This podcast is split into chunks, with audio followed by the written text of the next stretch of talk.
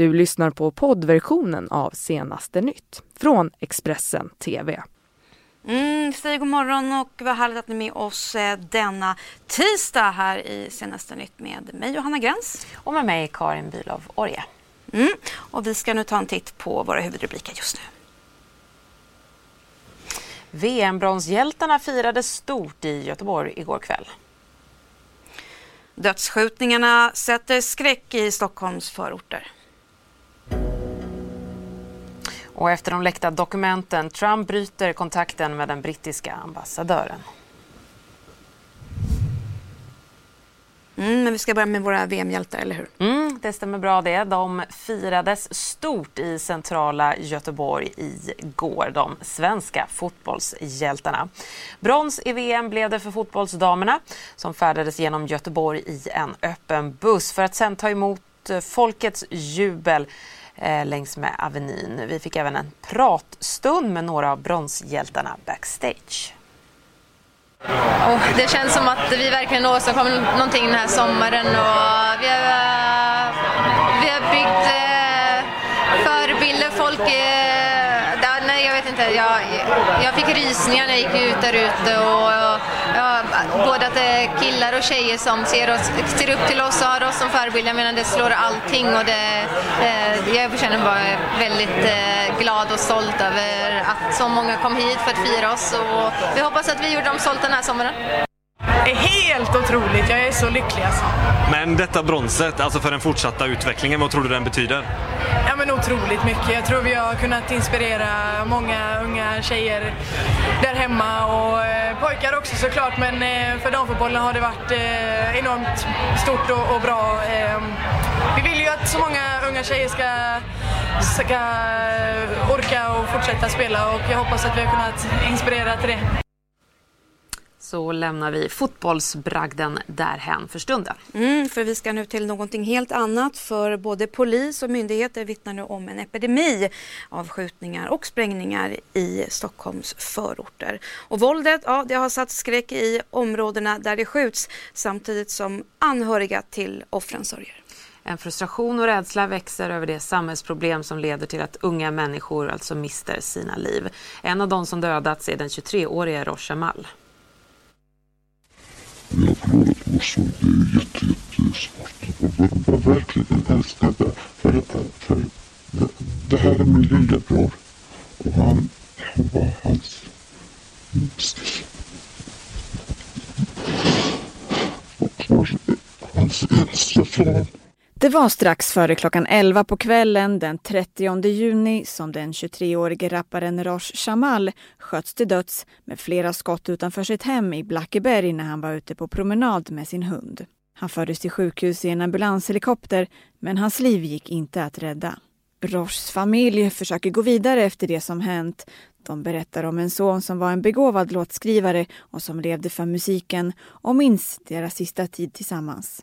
Det var för kanske tre, fyra veckor sedan innan det här hände. Vi var ute och på utflykt. Alla fastrar och farbröder och alla var tillsammans. Och han var lycklig och glad och vi var stolta över det här låten som han, han hade släppt. Han var jätteglad i den här perioden. Han sa att jag ska ta ett körkort, körkort och jag ska släppa mina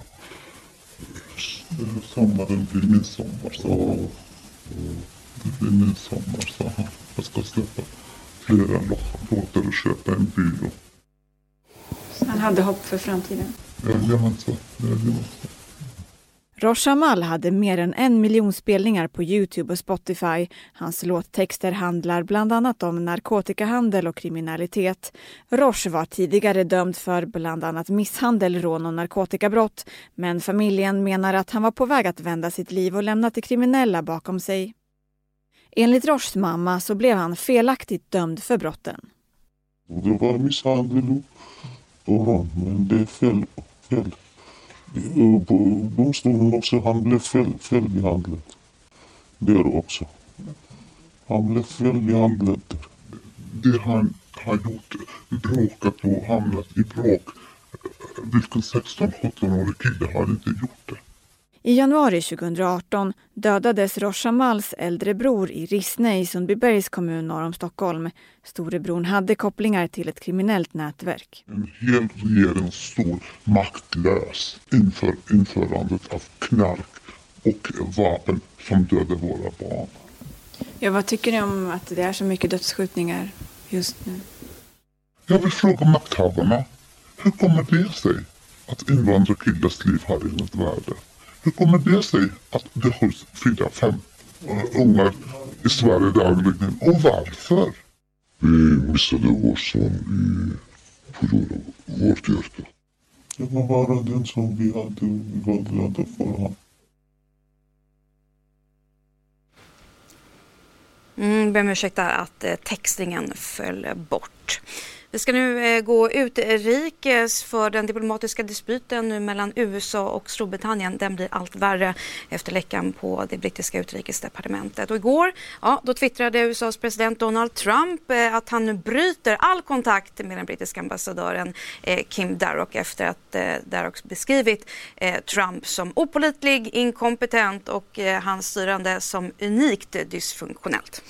Precis, men premiärminister Theresa May försvarar sin ambassadör samtidigt som myndigheterna i Storbritannien startat en utredning för att hitta själva läckan. CNNs Erin McLaughlin berättar mer.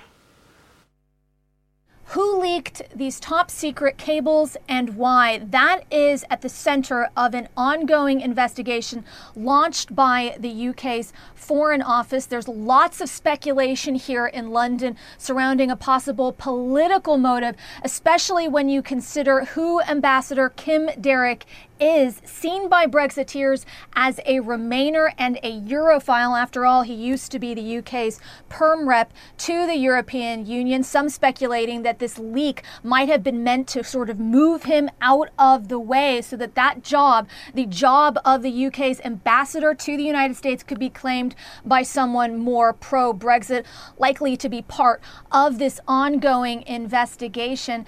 Keep in mind that this is the second high profile profile leak here in the UK in the past three months. There was the Huawei leak that saw the sacking of the defense secretary. So authorities are taking this extremely seriously, especially considering this really is seen to compromise the diplomatic services, the ability of top diplomats to give uh, candid assessments to their ministers back in London, a point made by the British Foreign Secretary Jeremy Hunt earlier today. Take a listen.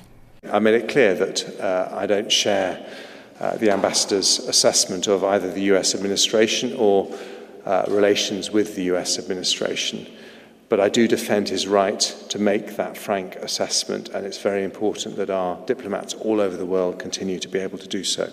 What we will not allow to happen is any interruption in uh, the superb relationship that we have with the United States, which is our closest ally around the world. Well, as you heard Hunt say there, another focus is on damage control, mitigating any damage that could have been done as a result of these leaks to the special relationship between the UK and the US, seen as essential in a post Brexit reality. Brexiteers looking to that potential trade deal between the US and the UK as making Brexit a, a possible success. And so Liam Fox, the trade secretary, says he plans to meet with Ivanka Trump, Donald Trump's daughter to apologize.